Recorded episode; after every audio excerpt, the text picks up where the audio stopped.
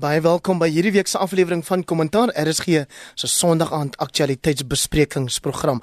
Op die telefoon verwelkom ek vanaand vir Melanie Verwoerd, sy is 'n politieke kommentator, 'n voormalige ambassadeur en ook 'n voormalige ANC LP. Hallo Melanie. Hallo Heinrich, goeienaand. En dan hier saam met my in die ateljee het ek vir Tim Du Plessis uiteindelik geen bekendstelling nodig nie, maar vir die wat nie weet nie, hy's 'n bekende koerantman wat voorheen redakteur van The Citizen en rapport was en hy's deesdae hoof van aktualiteitsprogramme by Kyknet. Hallo Tim. Heinrich, goeienaand. En dan wag ons nog vir Christo van Rede wat ongelukkig in die verkeer vassit. Hy is die adjunk uitvoerende hoof van Agri SA, maar hy is ook iemand wat gereeld in rubrieke en artikels en onder meer beeld sy stem laat hoor oor maatskaplike, ekonomiese en politieke kwessies. Nou dat die tafel gedek is vir vanaand se lekker vol program, kom ons val weg Melanie met die Appelhof se beslissing Vrydag dat die nasionale vervolgingsgesag sy besluit moet heroorweeg om die sogenaamde bedrogsaak of 783 saak teen president Jacob Zuma. Die koerant voorblaaie het gister uitgeroep Zuma se Vrydag die 13de. Wat is jou reaksie hierop? ja, kan jy glo ons is weer terug waar ons was in 2007. Ehm um, dis rarig so 'n bietjie van 'n time warp wat hier so gebeur. Ehm um, Ek dink nie die uitspraak van die appel was 'n groot verrassing nie. Ek dink ons het dit verwag en natuurlik moet ons nou maar kyk wat Zuma nou volgende gaan doen. En ons weer appel of dit gesê is irrasioneel dat die klagte teruggetrek is en dat dit weer nou in, in, ingestel moet word. Ehm um, dis natuurlik eintlik eintlik 18 aanklagte. Ons praat baie keer van die 783 klagte, maar dit verwys na 783 transaksies. Ehm um, wat hulle dink wat uh, wat bedrog was. Ehm um, ek kyk ek weet ek dink ek ons kan 100% aanvaar en ek dink hulle het reeds gesê ook dat president Zuma nou gaan verteenwoordiging doen na Sean Abrams toe en dit is dieselfde ding wat gebeur het natuurlik tydens die Pravin Gordhan drama gewees. Ehm um, Pravin het nie self nie maar die ander twee het wel ehm um, die verteenwoordiging gedoen vir uh, Sean Abrams en gevra en dit van hulle saak gestel. Ehm um, die vraag is hoe vinnig dit gaan gebeur. Ehm um, want daar's 'n bietjie van 'n risiko aan die een kant weet ons dat president Zuma probeer dit maar vertraag so lank as moontlik en hy en hy sal maar aanhou om dit te vertraag maar daar is natuurlik 'n klein risiko vir hom daaraan dat as iemand van die vir die teenoorgestelde kamp byvoorbeeld die einde van die jaar by die ANC se kongres wen kan hulle 'n nuwe eh, direkteur van die nasionale vervolgingsgesag aanstel wat nie so simpatiek sal wees so dit word vermoed John Abrams is nie. Ehm um, so dit dit dit kan baie interessant wees om te sien hoe hulle besluit hoe vinnig hulle hierdie uh, verteenwoordiging wil maak. Daar is daar blyklik nie 'n tydsbeperking daarop nie, so hy kan dit ook maar doen, jy weet, dit van oor die volgende tyd, soos van oor 'n ruk.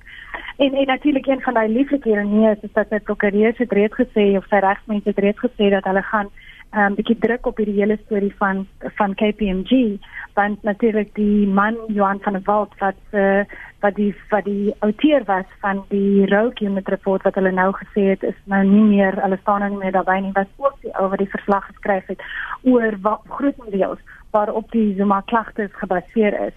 So hulle ironies genoeg nou gebruik dit om te sê dit een van die redes hoekom hulle voel dat die klagte nie weer ingestel moet word nie. Ja. 'n Ander rede Tim Du Plessis is natuurlik dat hulle sê advokaat Billy Downer wat die vervolging gehanteer het in die oorspronklike saak, die sal dalk nou nie hierdie keer beskikbaar wees nie. Ek weet nou nie daarvan Heinrich, dis die dis die binnewerkinge van die NVG wat ons nie van weet nie.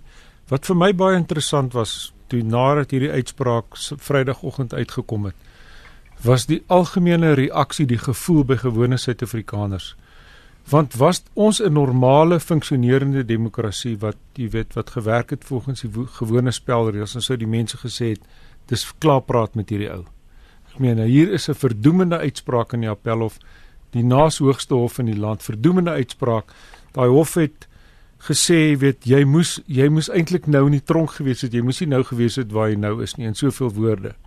En die land, die gewone mense se reaksie was hy sal weer met een of ander triek vorendag kom. En hy gaan weer een of ander die bal uitskop, een of ander proses volg, die ding uitrek ook al en so. Jy weet, ons ken vir Zuma nou van so lank al af en hier is die belangrike ding, hy gaan wegkom daarmee. Mense sal sinies oor hom. Hulle is al soet van sê ja, jy weet, hy word toegelaat om weg te kom daarmee die hele tyd. En ek dink dis die hele reaksie. As jy kyk het na die reaksie in die Sondagkoerante val, was baie gedemp geweest. Ja, was die gewone weet woedende reaksie geweest, maar die die algemene gevoel was ag, wat dis maar net nog 'n storie, dis maar net nog 'n hoofstuk in die hele Zuma saga. Hy gaan ook hier maar weg wegkom en die belangrike ding soos ek nou nog gesê het is hy gaan toegelaat word om weg te kom daarmee. Stem jy daarmee saam, Malani?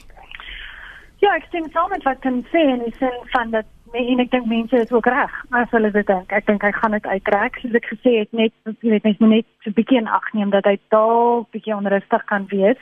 Maar ek dink nie te veel nie want jy weet ons kan later daaroor praat. Ek dink in elk geval met die Zuma kamp tot toelaat dat hulle in die konferensie ingaan as hulle nie 'n baie sterk kans het om te wen nie.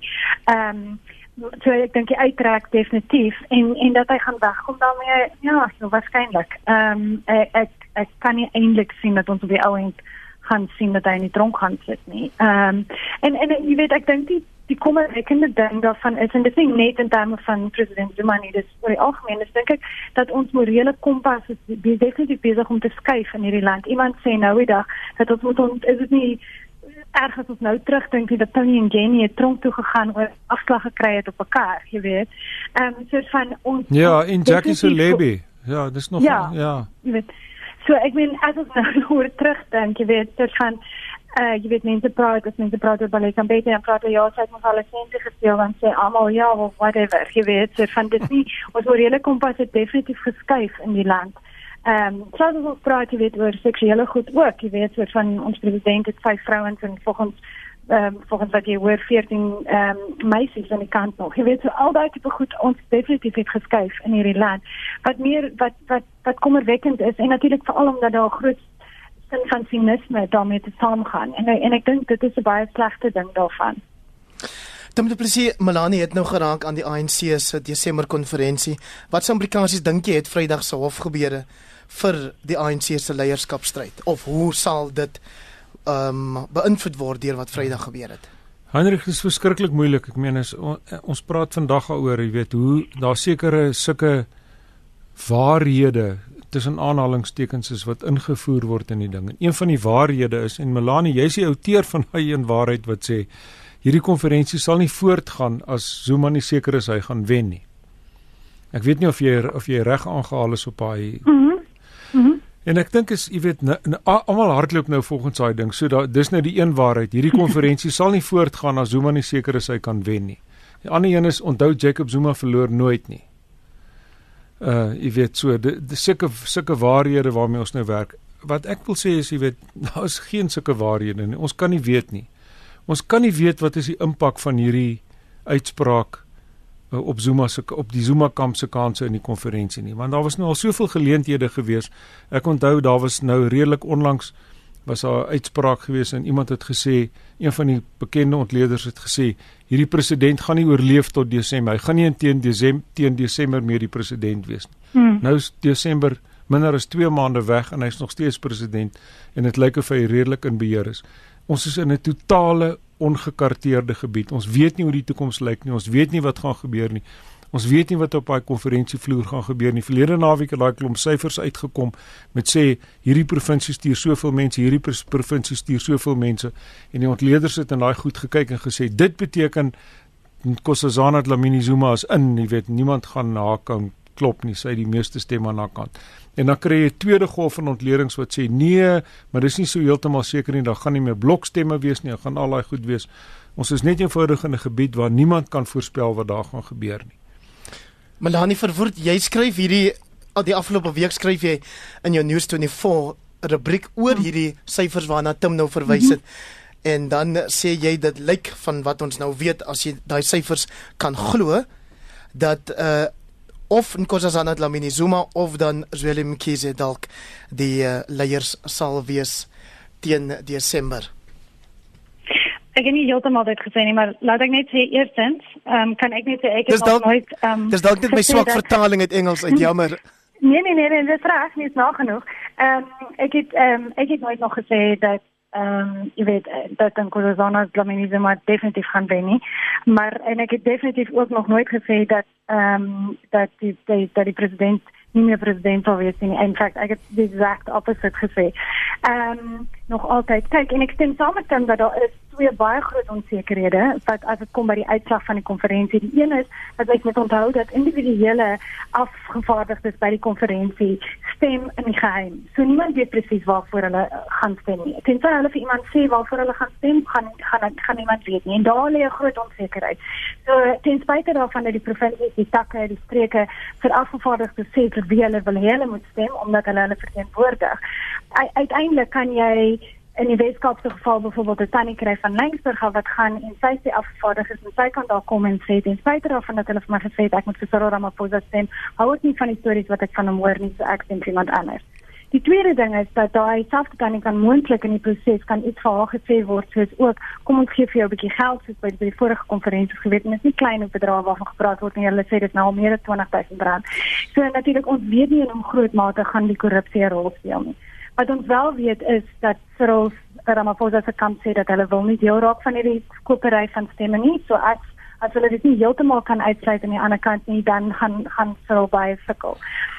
Die die groot ding wat ek waar waaroor ek gepraat gepraat het in my artikel was dat ek gesê het ons moet onthou vir die Zuma kamp en ons sien dit nou weer met hierdie aanklagte en dit ons daarbey kan aansluit. Ehm um, vir die Zuma kamp is daar geweldig baie op die spel.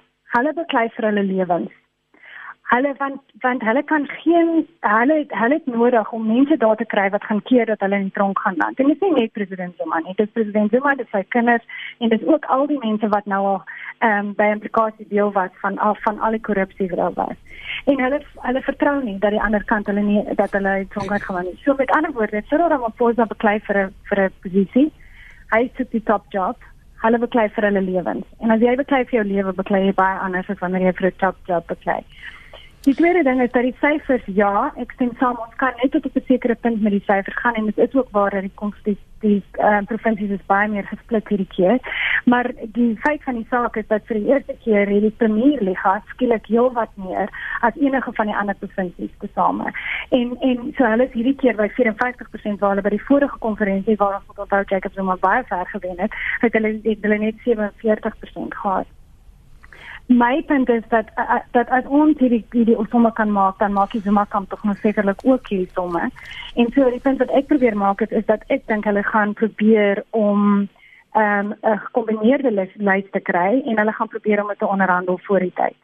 Ehm um, omdat die ANC wil nie weer 'n geval hê waar hulle soos in Polokwane 'n verskriklike bloedige stryd het nie. Hulle wil nie hê die ANC moet split na die verkiesing nie, na die konferensie nie, want dan weet hulle hulle in groot moontlikheid in 2019. En jy hoor dit baie duidelik. Daar's twee narratiewe op die oomblik in die ANC wat uitspeel. Die een is hierdie unity of hierdie eenheid. Ja. En die ander ene is dan die een wat wat Cyril Ramaphosa se kamp begin druk baie meer en dit is een van tradisie dat hy die deputy president raak al by die president. Ja, Jan Christine raak al by die president en so en so dis baie interessant maar hierdie unity argument is verskriklik sterk in die ANC en dit is hoekom ek dink daar's 'n baie groot moontlikheid en dis wat ek in die artikel gesê het dat hulle op die ouend gaan probeer om a, om 'n kompromiekandidaat te hê moontlik met Nkosazana iewers op daai lys ook ehm uh, moontlik en en dat hulle dit gaan probeer onderhandel voor die konferensie en as hulle dit reg kry is die kans vir Ramaphosa kan wen baie baie klein As jy pas by ons aangesluit het, dit is die stem van Melanie Verwoerd, sy is 'n politieke kommentator en voorheen Suid-Afrika se ambassadeur na Ierland en ook 'n voormalige ANC LP. Sy maak vanaand deel uit van die kommentaarpaneel onder wie ook dan Tim Du Plessis, 'n bekende media persoonlikheid, en Christo van Rede wat nou hier by ons aangesluit het. Hy is Agri SA se adjunk uitvoerende hoof, maar soos ek vroeër gesê het, hy laat ook sy stem hoor in bepaald beeld wanneer hy rubrieke en artikels skryf oor maatskaplike kwessies, die politiek en die ekonomie. Christo van der Westhuizen, ek gee jou 'n geleentheid om 'n laaste woord te spreek oor die implikasies van Vrydag se hofuitspraak in die Appelhof vir die ANC se Desember konferensie. Jy het hierdie week gehoor Gwedi Mantashe, die ANC se sekretaris-generaal sê, as hierdie leierskap uh veld tog nie bestuur word nie dan gaan 'n chaos wees en hy sien ook nou nie 'n rede waarom die adjunk president Cyril Ramaphosa nie outomaties moet oorneem by die president nie jou reaksie daarop Graag wil ek net 'n ander dimensie bybring. Ek het net so pas gelees Shabir Sheikh sê hy is bereid om te getuig indien hy sou geroep word. Uh Shabir Sheikh weet baie baie dinge. En uh as jy maar so luister na die goed wat in die wandelgange gepraat word, dan lyk dit asof uh Zuma 'n groot groot moeilikheid is. Want daar is 'n hele klomp goed waarby betrokke is En uh, 'n mens sou verwag dat Shabir Sheikh en ook 'n hele klomp ander mense bereid sal wees om nou na vore te tree. Het jy dit dat Shabir Sheikh vir of teen die president sal sal getuig? Ek het 'n baie sterk vermoede dat daar's geweldige druk uh, en ek dink moontlik uh, begin Shabir Sheikh se uh, gewete ompla. Uh, en ek dink daar is ook 'n klomp mense wat uh, besig is om hom voor te berei vir 'n moontlike hofsaak en dat hy dan teen die president sal getuig. Christo met groot respek, ek kan dit ek kan dit amper nie ek, ek kan dit amper nie glo nie. Ek meen Sabir Sheikh moes in die tronk gewees het. Hy moes nou in die tronk gewees het en as dit nie vir Zuma was nie, eers is hy in die siekeboeg toe en daarna sy op 'n mediese parol gesit en so en dis danksy meneer Zuma. Ek kan amper nie dink hoekom hy nou teen meneer Zuma sal gaan getuig nie. Ek kan nie dink hoe Sabir Sheikh nou in hierdie laat 12 minute voor middernag 'n aanval van gewetenswroging sal kry en sê nou wil ek die waarheid praat nie is nie die ou wat ons leer ken het oor die jare in in die hofsaak en so nie. So ek kan nie dit ek kan dit amper nie aanvaar nie. Maar dan nie kortliks jou Dis alles excuse, deel, ekskuus Heinrich, ek wil net sê dis alles deel van hierdie onvoorspelbaarheid waarin ons nou in beweeg. Enigiets kan nou gebeur. Ons is net in 'n in 'n era waar ons niks, jy weet, amper niks wat in die seker nie. Hæ? Huh? Niks is seker. Niks is seker nie. Geen sekerhede wat in die verlede gegeld het, kan ons nou ingaan en sê, maar dis hoe dit gewerk het in die verlede en dis hoe dit nou gaan werk. Vat een ding uh hulle het vir Thabo Mbeki geroep by op die Nicholson uitspraak, 'n Hooggeregshof uitspraak. Voordat ek meen daar was nie kans gewees om uit daai uitspraak op appel te vat nie. Toe sê hulle, "Right, hier het regter Nicholson gesê daar was 'n politieke sameswering gewees, roep hom dadelik." Nou het ons die naas hoogste hof in die land, die Appelhof wat 'n uh, verdoemende uitspraak teen Zuma gesê, die ANC is choopstil, daar's nie sprake van 'n beweging om hom te herroep of enigiets nie. So ek weet nie, ek sien net nie ek sien net nie daai helder kant van die van die donker. Miskien net uh, Tim net baie vinnig uh, ek beweeg taamlik in die binne binne kringe van die ANC en daar is 'n stem binne in die ANC besig om te ontwaak. Uh, jou ou kaders en mense wat nog daar uh, sekere beginsels aan daaf is besig om agter die skerms baie sterk te mobiliseer en ek het sterk vermoede dat hulle is besig om met Sheikh se kop te smokkel en te werk en hopelik sal hy vir ons die oplossing bring om uiteindelik van Zuma ontslae te raak. Maar dan nie verwoord as daar onsekerheid is oor die president se toekoms, dan is daar wel nou sekerheid oor die dood van die struggle ikoon Ahmed of Ahmed mm. Timol. Die Hooggeregshof het Vrydag gesê hy het nie selfmoord gepleeg nie, hy is by daai venster uitgestoot. Wat is die implikasies daarvan vir verdere vervolgings van ander uh vermeende oortreders van apartheidsmisdade. Ja, ek dink dit was een van die groot emosionele uh, stories van hierdie week. Ehm um, en dit wie dit was natuurlik so sterk persoonlike dimensie daarin aan die een kant dat die familie ehm um, op 'n manier nou dit was vir hulle gesoek het vir soveel jare gekry het. 46 jaar nadat die vorige geregtelike ondersoek gedoen is en waar die apartheid regering natuurlik gesê het dat hy ehm um, selfmoord gepleeg het by die venster uitgespring het is ons nou op die punt waar die, waar die familie nog altyd gesê het bevestig is deur regter Berlin Motley. Ehm um, Ja, ek dink daar is natuurlik allerlei implikasies. Die een is dat die ouens wat getuig het by die ehm um, geregtelike ondersoek nou hierdie keer dat hulle moontlik vervolg gaan word, so spesifiek Jan Rodriguez dat hulle, jy weet, my net gepleeg het, dat hulle gejok het en ook dat hulle moontlik vermoord kan aangekla word. Maar maar op 'n breëre en vlak wat baie interessant hiervan is is natuurlik dat hierdie 'n soort van 'n 'n proses is wat volg deels omdat die waarheidskommissie se werk nie 100% klaar gemaak is nie. Die idee en die intensie was altyd dat na die waarheidskommissie se verrigtinge gestop is dat die staat wel sekere vervolging sou doen na aanleiding van mense wat of nie vir amnestie aansoek gedoen het nie of dat hulle jy weet gejok het en nie ten volle alles ge, gesê het nie.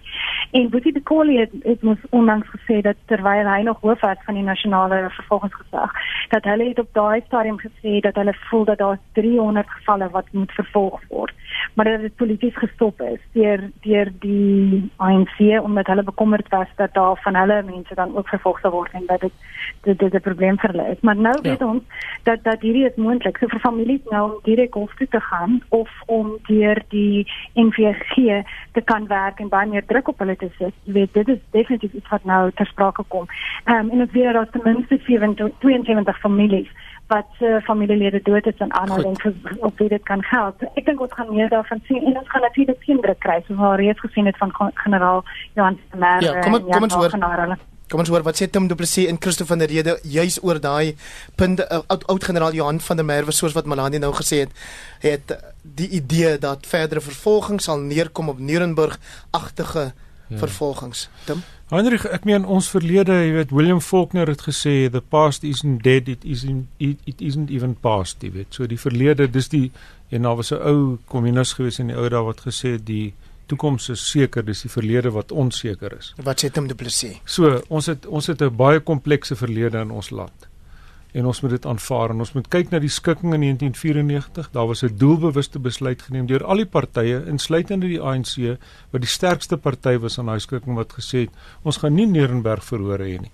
Ons gaan 'n waarheid en versoeningskommissie hê en ons gaan op die ding op 'n ander manier hanteer dat nie al die mense daaraan deelgeneem het nie en spesifiek nie genoeg wit Suid-Afrikaners nie en ook nie genoeg Afrikaanssprekende Suid-Afrikaners het genoegsaam aan daai proses deelgeneem nie. Is 'n feit, maar dis ook 'n jammerte dat hulle dit nie gedoen het nie. Want as ons beter daarmee ge gehandel het. Daar was te veel mense gewees wat gesê het, maar hoorie jammer, ek het niks hiermee te doen gehad nie. Ek het nie hierdie onregte gepleeg en so nie. So 'n deel van die probleem is daar was nie genoegsame deelname aan die proses in die verlede nie. Daarom sit ons met onafgehandelde besigheid. Maar die realiteit is dat ons het 'n bepaalde skikking gehad. Ons het doelbewus besluit om nie Nuremberg verhore te hê. Om nie die soort van situasie te hê wat hulle gehad het aan die einde van die Tweede Wêreldoorlog in Duitsland en so nie. So ons sit nou met ons sit nou vandag sit ons nou met besluite wat ons mee moet werk wat 25 jaar gelede geneem is. Dis een van die goed wat ons mee moet werk. En ons moet aanvaar daar was 'n konflik gewees en in 'n konflik is daar altyd slagoffers na weerskante toe. Jy weet, daar sal Afrikaanse mense wees wat vir jou sal sê Gideon Skeepers wat in die Anglo-Boereoorlog, jy weet, uh, hy was 'n held gewees. Hy's doodgeskiet deur die Engelse. Niemand weet eers vandag waar hy begrawe is, waar sy familie is nie. Hy het net so aklige dood geskep.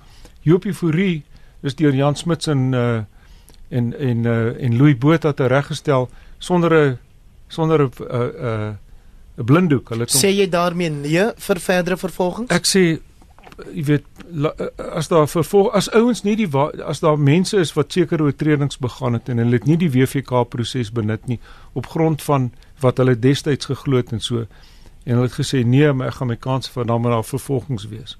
Dis ontsettend moeilik. Kyk hoe sukkel die die Duitsers en jy weet almal om die nasie oortreders op te spoor en, en vas te vat en so. Al wat ons vra is om met 'n billike proses wees, om net mense wees, om net jy weet gereg due process soos die Engelse sê, dis al wat daar moet wees. Maar ons moet aanvaar en dis net al wat ek wil sê, dis geweldige emosie rondom hierdie ding. Ja. Christo van der uh, van der Rede ons het môreoggend op monitor 'n bydrae waarin Zenzile Khoisan wat deel was van die ondersoek afdeling van die WVK sê, hulle het bokse dokumente aan die vervolgingsgesag oorhandig met sake wat verder ondersoek moet word. Daar het niks van gekom nie. Jou reaksie op hierdie so stem terug sê baie emosionele en sensitiewe saak. Hendrik, ons staan maar so 20 jaar aan die ander kant van die apartheidsbestel. En die apartheidsbestel se onderbou was 'n sekuriteitsmag wat mense vervolg het, wat mense onderdruk het en wat mense op die mees brutale wyse uh jy weet uh se lewens verwoes het. En uh dit is noodsaaklik dat dit in die reine gebring word uh mense het die geleentheid gehad om hulle saak by die WVK te stel en ek stem met Tim daarmee saam. Andere wat gehoop het dat ons dalk die horlosie kan terugdraai, hulle moet maar nou deur die uh, uh prosesse gaan. Ja. En uh, wat ons het 'n grondwetlike bestel en dit wil ek beklemtoon. Mense hoef nie bang te wees dat ons een of ander Nurembergse uh, metode sal volg nie. Die hof is daar om te luister na albei partye en dan tot 'n slotsom te kom. En dan moet mense maar uh, verantwoordelik neem vir die dade wat hulle gepleeg het teenoor mede Suid-Afrikaners op grond van hulle ras, op grond van 'n apartheidsbestel. Absoluut. As jy iets gedoen het in die verlede wat verkeerd was, moreel, eties, regskundig wat ook al en so, dan moet jy volle verantwoordelikheid daarvoor aanvaar. Dis so eenvoudig soos dit. Melanie, jy het 'n boek geskryf, The Verwoerd hoe toi toi. 'n laaste gedagte oor hierdie sensitiewe saak en natuurlik die naam verwoord is een van uit ons geskiedenis wat mense ook baie keer ophaal wanneer hulle praat oor die dinge van die verlede. Ja, nee, I mean ek stem absoluut saam. Jy weet as mense nie die WFK proses gebruik het nie en as hulle betrokke was by hierdie geweldige geweldige onwettige en en jy weet dit help nie om nou te sê ja, maar dit was 'n oorlogssituasie en so nie en daarom was dit oukei okay om iemand by die 10de verdieping van John Foster uit te gooi nadat jy hom vir 5 dae gemartel het nie en daarom kan die ouens wegkom daarmee. Dis nie meer 'n betrag waarvan ons hier praat nie, dis bloot wet en geregtigheid. En en ek dink nie ons moet daai emosionele taal begin gebruik nie want ek dink dan loop ons heeltemal die verkeerde pad. En en dit is waar dat hierdie emosioneel beide kante toe, maar ons kan nie sê dat dit emosioneel is omdat omdat die reg nou met jou opgevang het. Dit is dan wel ja, natuurlik is dit ongemaklik as jy in daai proses is. Maar as jy nou uitgevang word dat jy deel daarvan was en dat jy gejok het al die jare en dat jy mense tot hulle dood toe gemartel het dan dan moet jy dan moet jy hof met jou deel. Dat daar is nie vir my enige kwessie en wat ons baie versigtig moet wees is die taal vir al die mense wat wat die vorige sekuriteitspolisie voor optree. Die taal wat hulle gebruik moet hulle baie versigtig wees van die klimaat in Suid-Afrika is vandag ook baie anders as wat dit was in 1994. En en daar's baie minder ehm um, toleransie teenoor hierdie tipe taal en en so aan so ons moet in in die hitte is baie hoër in hierdie land omdat oor ras ras ras gedrewe goed. So ons moet baie versigtig wees daaroor. Dit is ook so Christof van der Rede dat die emosies baie hoog is in die land omdat mense na 20, 23 jaar steeds nie 'n beter lewe het nie, steeds nie werk het nie, steeds nie ordentlike behuising het nie. So gaan jy nou hulpbronne bestee eerder daaraan om mense te vervolg of gaan jy sê nee, laat ons eerder fokus om daai beter lewe te skep wat juis ook verantwoordelik is vir die dat mense elke dag iewers in die land met diensleweringproteste en dis meer besig is of as ek nou besig om appels met pere te vir te wat sit te vergelyk hierso. Let wel aan reg die howe moet doen wat hulle moet doen. Uh daarvoor kry hulle bronne, hulle word begroot uit die nasionale begroting om dit te doen wat hulle moet doen. En die polisie moet doen wat hulle moet doen. Ons probleem in ons land is 'n totale gebrek aan dissipline, 'n kultuur van wetteloosheid. Mense maak en breek net soos hulle wil sit. Mense het gedink hulle kan wegkom met moord voor 94 en nou dink mense na 94 hulle kan dieselfde doen. Dit moet tot 'n einde kom. Ek het vanaand staan ek geskok en luister na die kindermoorde. Nou die aand het hulle bus vol mense met klippe bestook, onskuldige passasiers wat op pad huis toe is. Die bus is uitgebrand. En oral kry jy hierdie tipe van opwelling van misdaad. Nou aan die een kant is daar 'n geval van uh, jy weet mense wat wraak neem, aan die ander kant is daar mense met legitieme uh griewe. Maar ons kan nie 'n situasie toelaat in die land waar ons net toenemend 'n kultuur van wetteloosheid sien nie. Ons is baie ons is baie naby aan 'n afgrond en ons wil nie 'n situasie hê soos nou in Somalië en in uh jy weet ander lande waar mense bomme plant en waar mense allerlei ander koeverte uh, metodes gebruik om hulle gruwe uh, te lig nie. Daar's prosesse wat ons moet volg en ons moet die grondwet tot ons voordeel gebruik. Tim Du Plessis daai wetloosheid te doen met die feit dat ons 'n militêre staat in die verlede was of het dit te doen met die ANC se beleid van maak die land ungovernable as ek nou maar die Engels mag gebruik. Wel Hendrik, daar's sekerlik 'n element daarvan, jy weet, ek meen as jy gesê het die land moet onregeerbaar gemaak word. Dis nie 'n skakelaar wat jy kan aanskakel. Nou gaan ons in maak dit onregeerbaar en dan skakel jy dit af. Nou is dit weer regeerbaar want ons nou 'n legitieme regering aan die bewind. Daar's nie so 'n skakelaar nie. As jy daai kultuur skep, dan het dit bepaalde nagevolge en so. Maar ek dink ons is ons is tog by 'n posisie waar die regte syne en die regte soort leiding van heel bo af is nie heeltemal kom nie is nie heeltemal daar waar dit moet wees nie. Kom nie reg deur nie. Vat nou maar net byvoorbeeld ons minister van polisie op die oomblik. Jy weet, hierdie kragdadige uitsprake van hom nou, jy jy beveg nie misdaad deur kragdadige uitsprake maak en banale taal gebruik nie. Dis nie die regte ding nie. Laat my ons het nou nou oor die verlede gepraat, as ek dit weer kan sê. In die verlede het ons die ou ministers elke keer na 'n bom in 'n hompie bar en dan kom die minister van polisie op televisie en sê ons gaan hierdie terroriste vasvat. Ons gaan hulle uitdruk en mors dood slaan en al daai goed en so. En as 2 weke nadat hy dit gesê dan bars daar nog 'n bom of 'n kleefmyn of 'n ding ontplof. Dit is nie die manier nie. Die regte manier om misdaad te beveg is nie deur jy weet bombastiese uitsprake van die minister nie, dis deur effektiewe polisieering. Dit is deur dit is misdaad inligting. Dit kry die inligting waar kom die mense vandaan? Hoekom doen hulle dit? Kry die inligting. Vang een of ander oortreder, vervolg hom effektief in die hof. Wys vir almal hierdie ou is vervolg, dan gaan hy nou tronk toe vir 10 jaar. Dis wat moet gebeur. Die tipe goed wat ons nou sien wat Fikile en Belula doen. Jammer. Dis nie hoe jy misdaad beveg nie. Melanie sê jy het gehoor laasweek sê die minister Mbalula hy wil hê misdadigers moet op 'n teerplek vasgegryp word. Oh. Hierdie week sê hy hy wil hê die president moet die weermag instuur in gebiede soos die Kaapse vlakte om misdaad te help beveg. Wat dink jy daarvan? Nee, ek dink dit was Christo wat nou net gepraat het, nê. Nee. Ehm um, ek ek sien saam met hom. Nee, dit was dit was Tim. Dit was dit Tim. Ja. Ekskuus, ja. Dankie, 'n kompliment vir my. Jammer, julle albei. Ehm um, ek stem saam daarmee en ek dink dit is die probleem om die weermag in te bring op 'n manier wat hulle kyk.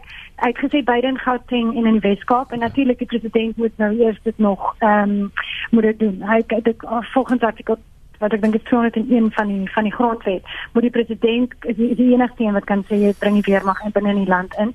En en dan moet hy ook vir die parlement daarvan inlig en hy moet sê waar en wanneer en hoekom Ehm um, en hy het natuurlik dit nog nie gedoen nie. So eh uh, president ag ehm um, minister Balula het gesê so Gauteng in die Weskaap en die Weskaap is natuurlik een wat die meeste aandag getrek het omdat daar so groot probleem vir al die Kaapse vlakte is op die oomblik. In hierdie jaar alleen is daar 66 kinders in die Kaap dood, meeste van hulle in die vlakte wat hulle in wat hulle heel geraak het van die bendeoorlog daar. En die die, die moordgetalle in die Weskaap het met 40% opgeneem oor die toegeneem in die laaste 5 jaar. Ehm um, en dit duidelik die polisie kan net nie dit onder beheer kry nie. Hulle is bang, jy weet mense hoor eindelose stories van die polisie wat net sê hulle gaan nie meer in in daai areas in nie want hulle weet hulle word geskiet. Nie oral nie en hulle daar is baie wat braaf is. Ehm um, maar dit is duidelik dat hulle nie dit kan beheer nie. So aan die een kant moet iets gedoen word want dit is dit is 'n oorlog basis in in in in die Kaapse vlakte spesifiek. Dit is nie so bekend vir my die hele Gauteng situasie. Hmm. Ehm um, maar die probleem is nommer 1 jy stuur die verkeerde boodskap. Nommer 2 die army is is is is is opgelei daarom om oorloë te beklei en dood te skiet. Hulle is nie 'n vredesmag nie. Hulle is nie ehm um, opgelei om onrus te kan hanteer nie. En en en so nou is ons weer terug in daai situasie waar waar jy die die, die weermag inbring en vir jou eie basies oorlog maak teen jou eie mense. Ja. En dit is nie goed nie. Hulle het dit natuurlik al van tevore gedoen hier so van die Weskaap in 2015 was daar operasie Vila wat hulle veral in Manenberg die weermag ingebring het. Dit het gewerk vir so 'n paar dae, maar net nadat daar weg is, het dit weer van voor af begin. Mm. So dit is ook 'n baie korttermyn oplossing. Dit sal wel werk. Ehm um, oor die korttermyn. So iets moet gebeur, iets moet gedoen word, maar ek sien saam dis dis op polisieering aan die een kant en dan natuurlik dat die sosio-ekonomie so goed moet moet eintlik met omgaan wat wat die hele bende ding ehm um, veroorsaak. Ja, Christoffel Rede van laas week sê Bonginkosi Madikizela wat die DA se nuwe provinsiale leier is mm. dat bende geweld of die bende as wel teenwoordigheid daar's amper soos 'n kultuur wat jy nie uitgeroei kry nie 'n bietjie van 'n onbeholpe manier om dit te stel maar hy raak dalk juis aan hierdie uh, sosio-ekonomiese kwessies waarna of maatskaplike kwessies waarna Malani ook nou verwys. Heinrich, dit maak my baie bekommerd. Jy weet, uh, as die polisie nie eens 'n paar bendelede kan vasvat nie. Dit sê vir my, dit spreek boekdele van hul bevoegdheidsvlakke. Waar is die uh ou uh, bende eenhede wat hulle gehad het? En daai mense het seker gemaak hulle het genoeg intelligensie. Hulle het presies geweet wie die bendelede is. Ek het 20 jaar spandeer van my onderwysloopbaan op die Kaapse vlakte. Ek ken die mense bitter bitter goed uh, neem maar 'n klein plekkie soos Wesbank, 'n plek soos Delft. Jy kan letterlik in elke straat afstap. Daar is die wonderlikste mense waar daar bly. Jy weet presies wie die bendelede is. Jy weet presies waar die smokkelhuis is. Jy weet presies wie is die mense wat met dwelms in en uit ry uit daai gemeenskap uit. Jy weet presies wie is die kinders of die jong mense wat met gewere loop en smokkel. Jy weet ook wie die polisie mense is wat daar in hy woonbuurt inry en uh, wapens kom verkoop. So dit is skone skone twak, loutere twak dat die weermag nou moet ingenoem word om die onbevoegdhede van die polisie uh, te kom. Dit maak vir my woedend want dit sê vir my ons het 'n totale gebrek aan politieke wil in hierdie land, ons het 'n totale gebrek aan politieke leierskap en meer nog Ons is besig om ons mense vir die wolwe te gooi. Uh ja, daar is groot sosio-ekonomiese uitdagings, maar dit het alles te doen met die ekonomie van die land. Mense kry nie werk nie en meer nog, ons kry toenemende diskriminasie teen breinmense op die Kaapse vlakte en ek blameer die ANC daarvoor. En dit het tyd geword dat iemand die ANC tot verantwoordelik roep oor hulle ekonomiese beleide wat op grond van ras gebaseer word en dan word mense op hierdie manier aan hulle eie lot oorgelaat. Uh ons moet net onthou die DA is in beweeg in bewind in Weskaap natuurlik, nie die ANC nie. Tim Du Plessis, die een van die uitdagings vir die polisie aan die ander kant is dat baie keer is die gemeenskappe nie bereid om daai inligting te deel met hulle nie. Wel dis die polisie se probleem, is die regering se probleem. Hoekom is dit so? Hoekom is dit so dat die polisie dat die gemeenskap nie die polisie vertrou nie? Want die gemeenskap is veronderstel om 'n noue interaksie met die polisie te wees. So hoekom? Die probleem lê nie by die gemeenskap nie. Dit lê by die polisie. Daar's 'n rede hoekom hulle dit nie noem en Christo het nou daarna verwys. Die mense soort van weet presies wat's aan die gang, maar hulle vertrou nie die polisie met die inligting. Die denkfout wat ons hierso maak om te dink is, maar nou die weermag sal nou hierdie situasie kan regmaak. Jy weet Heinrich en jy weet ek jammer dat ons nou aanhoudend teruggryp na die verlede toe. Ons 'n geskiedenis van die weermag se betrokkeheid by binnelandse kom ons noem dit maar misdaad onstabiliteit situasies. In die 80er jare was daar troepe in die townships gewees. En dit het na albei kante toe gebrutaliseer as ek so 'n nare woord kan gebruik. Dit het die mense wat aan die ontvangskant van die weermag se optrede daar was gedink, "Jesus, maar hier's die weermag wat ons almal moet beskerm. Hier tree hulle nou teen ons op." Maar dit het ook daai weermag ouetjies wat daai goed gedoen het. Ek meen dis dis my generasie, né?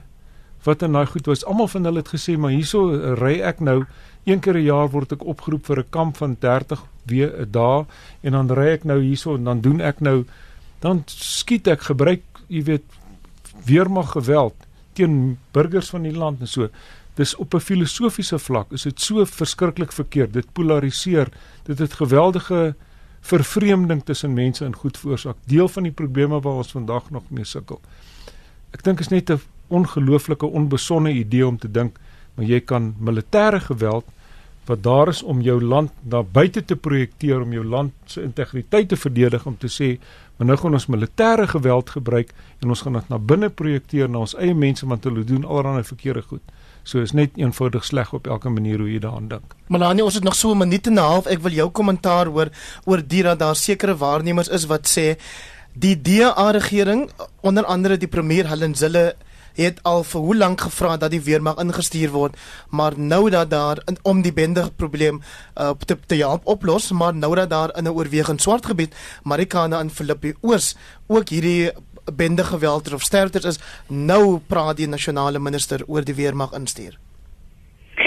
Kyk, daar baie sinisme oor die konflik se vlakte oor en dit het nie goed afgegaan toe hy sy walkabout hier so gedoen het in in die Weskaap nie mense het gesê dis maar net so 'n bietjie jy weet om die media daar te kry. En en en en ja, ek meen mens moet vra hoekom, maar Helen Zille het ook nou onlangs gesê dis ook net 'n korttermyn ehm um, jy weet uh oplossing hierdie dit kan nie oor die lang termyn aangaan nie. En en en ons moet onthou, jy weet alhoewel ek soms dink dat daar baie probleme is wat die ANC veroorsaak het en ons moet ook onthou dat deel van die probleem is dat hierdie DA provinsie baie sterk die provinsie vir 'n baie lang tyd al en dat dit deel van die probleem is wat hier aan die gang is ook in terme van die sosio-ekonomiese goed is dat baie mense sê so die DA doen nie genoeg daaraan nie. So ek ek meen ja, dit is ja, ek weet nie of dit regtig verband hou daarmee nie. Ek meen ons terselfdertyd 'n nuwe minister gekry wat duidelik wil wys hy's baie kragtadig. Ehm um, ek dink die Boeta sou en hy sou nogal lekker kon gesels het. en ehm um, so jy weet uiteindelik wil hy ook wys dat hy soort van nou beheer want ek dink hy het ook sy eie ambisies binne die ANC oor 'n langer termyn. So so ja, ek weet wat presies daar agter sit, weet ek nie, maar ek stem saam met albei sprekers dat dit nie 'n goeie idee is nie. Baie baie dankie vir jou deelname vanaand. Melanie Verwoerd is 'n politieke kommentator en sy is 'n voormalige ambassadeur van Suid-Afrika na Ierland en sy's ook 'n voormalige ANC LP. Baie dankie ook Tim Du Plessis, hoof van aktualiteitsprogramme by Kyknet dat jy kom deelneem met vanaand en Christo van Rede, baie dankie. Jy's by Agri SA adjunk uitvoerende hoof en ek waardeer dit veral dat jy al die pad uit Pretoria gery het om te kom deelneem hier in Auckland Park.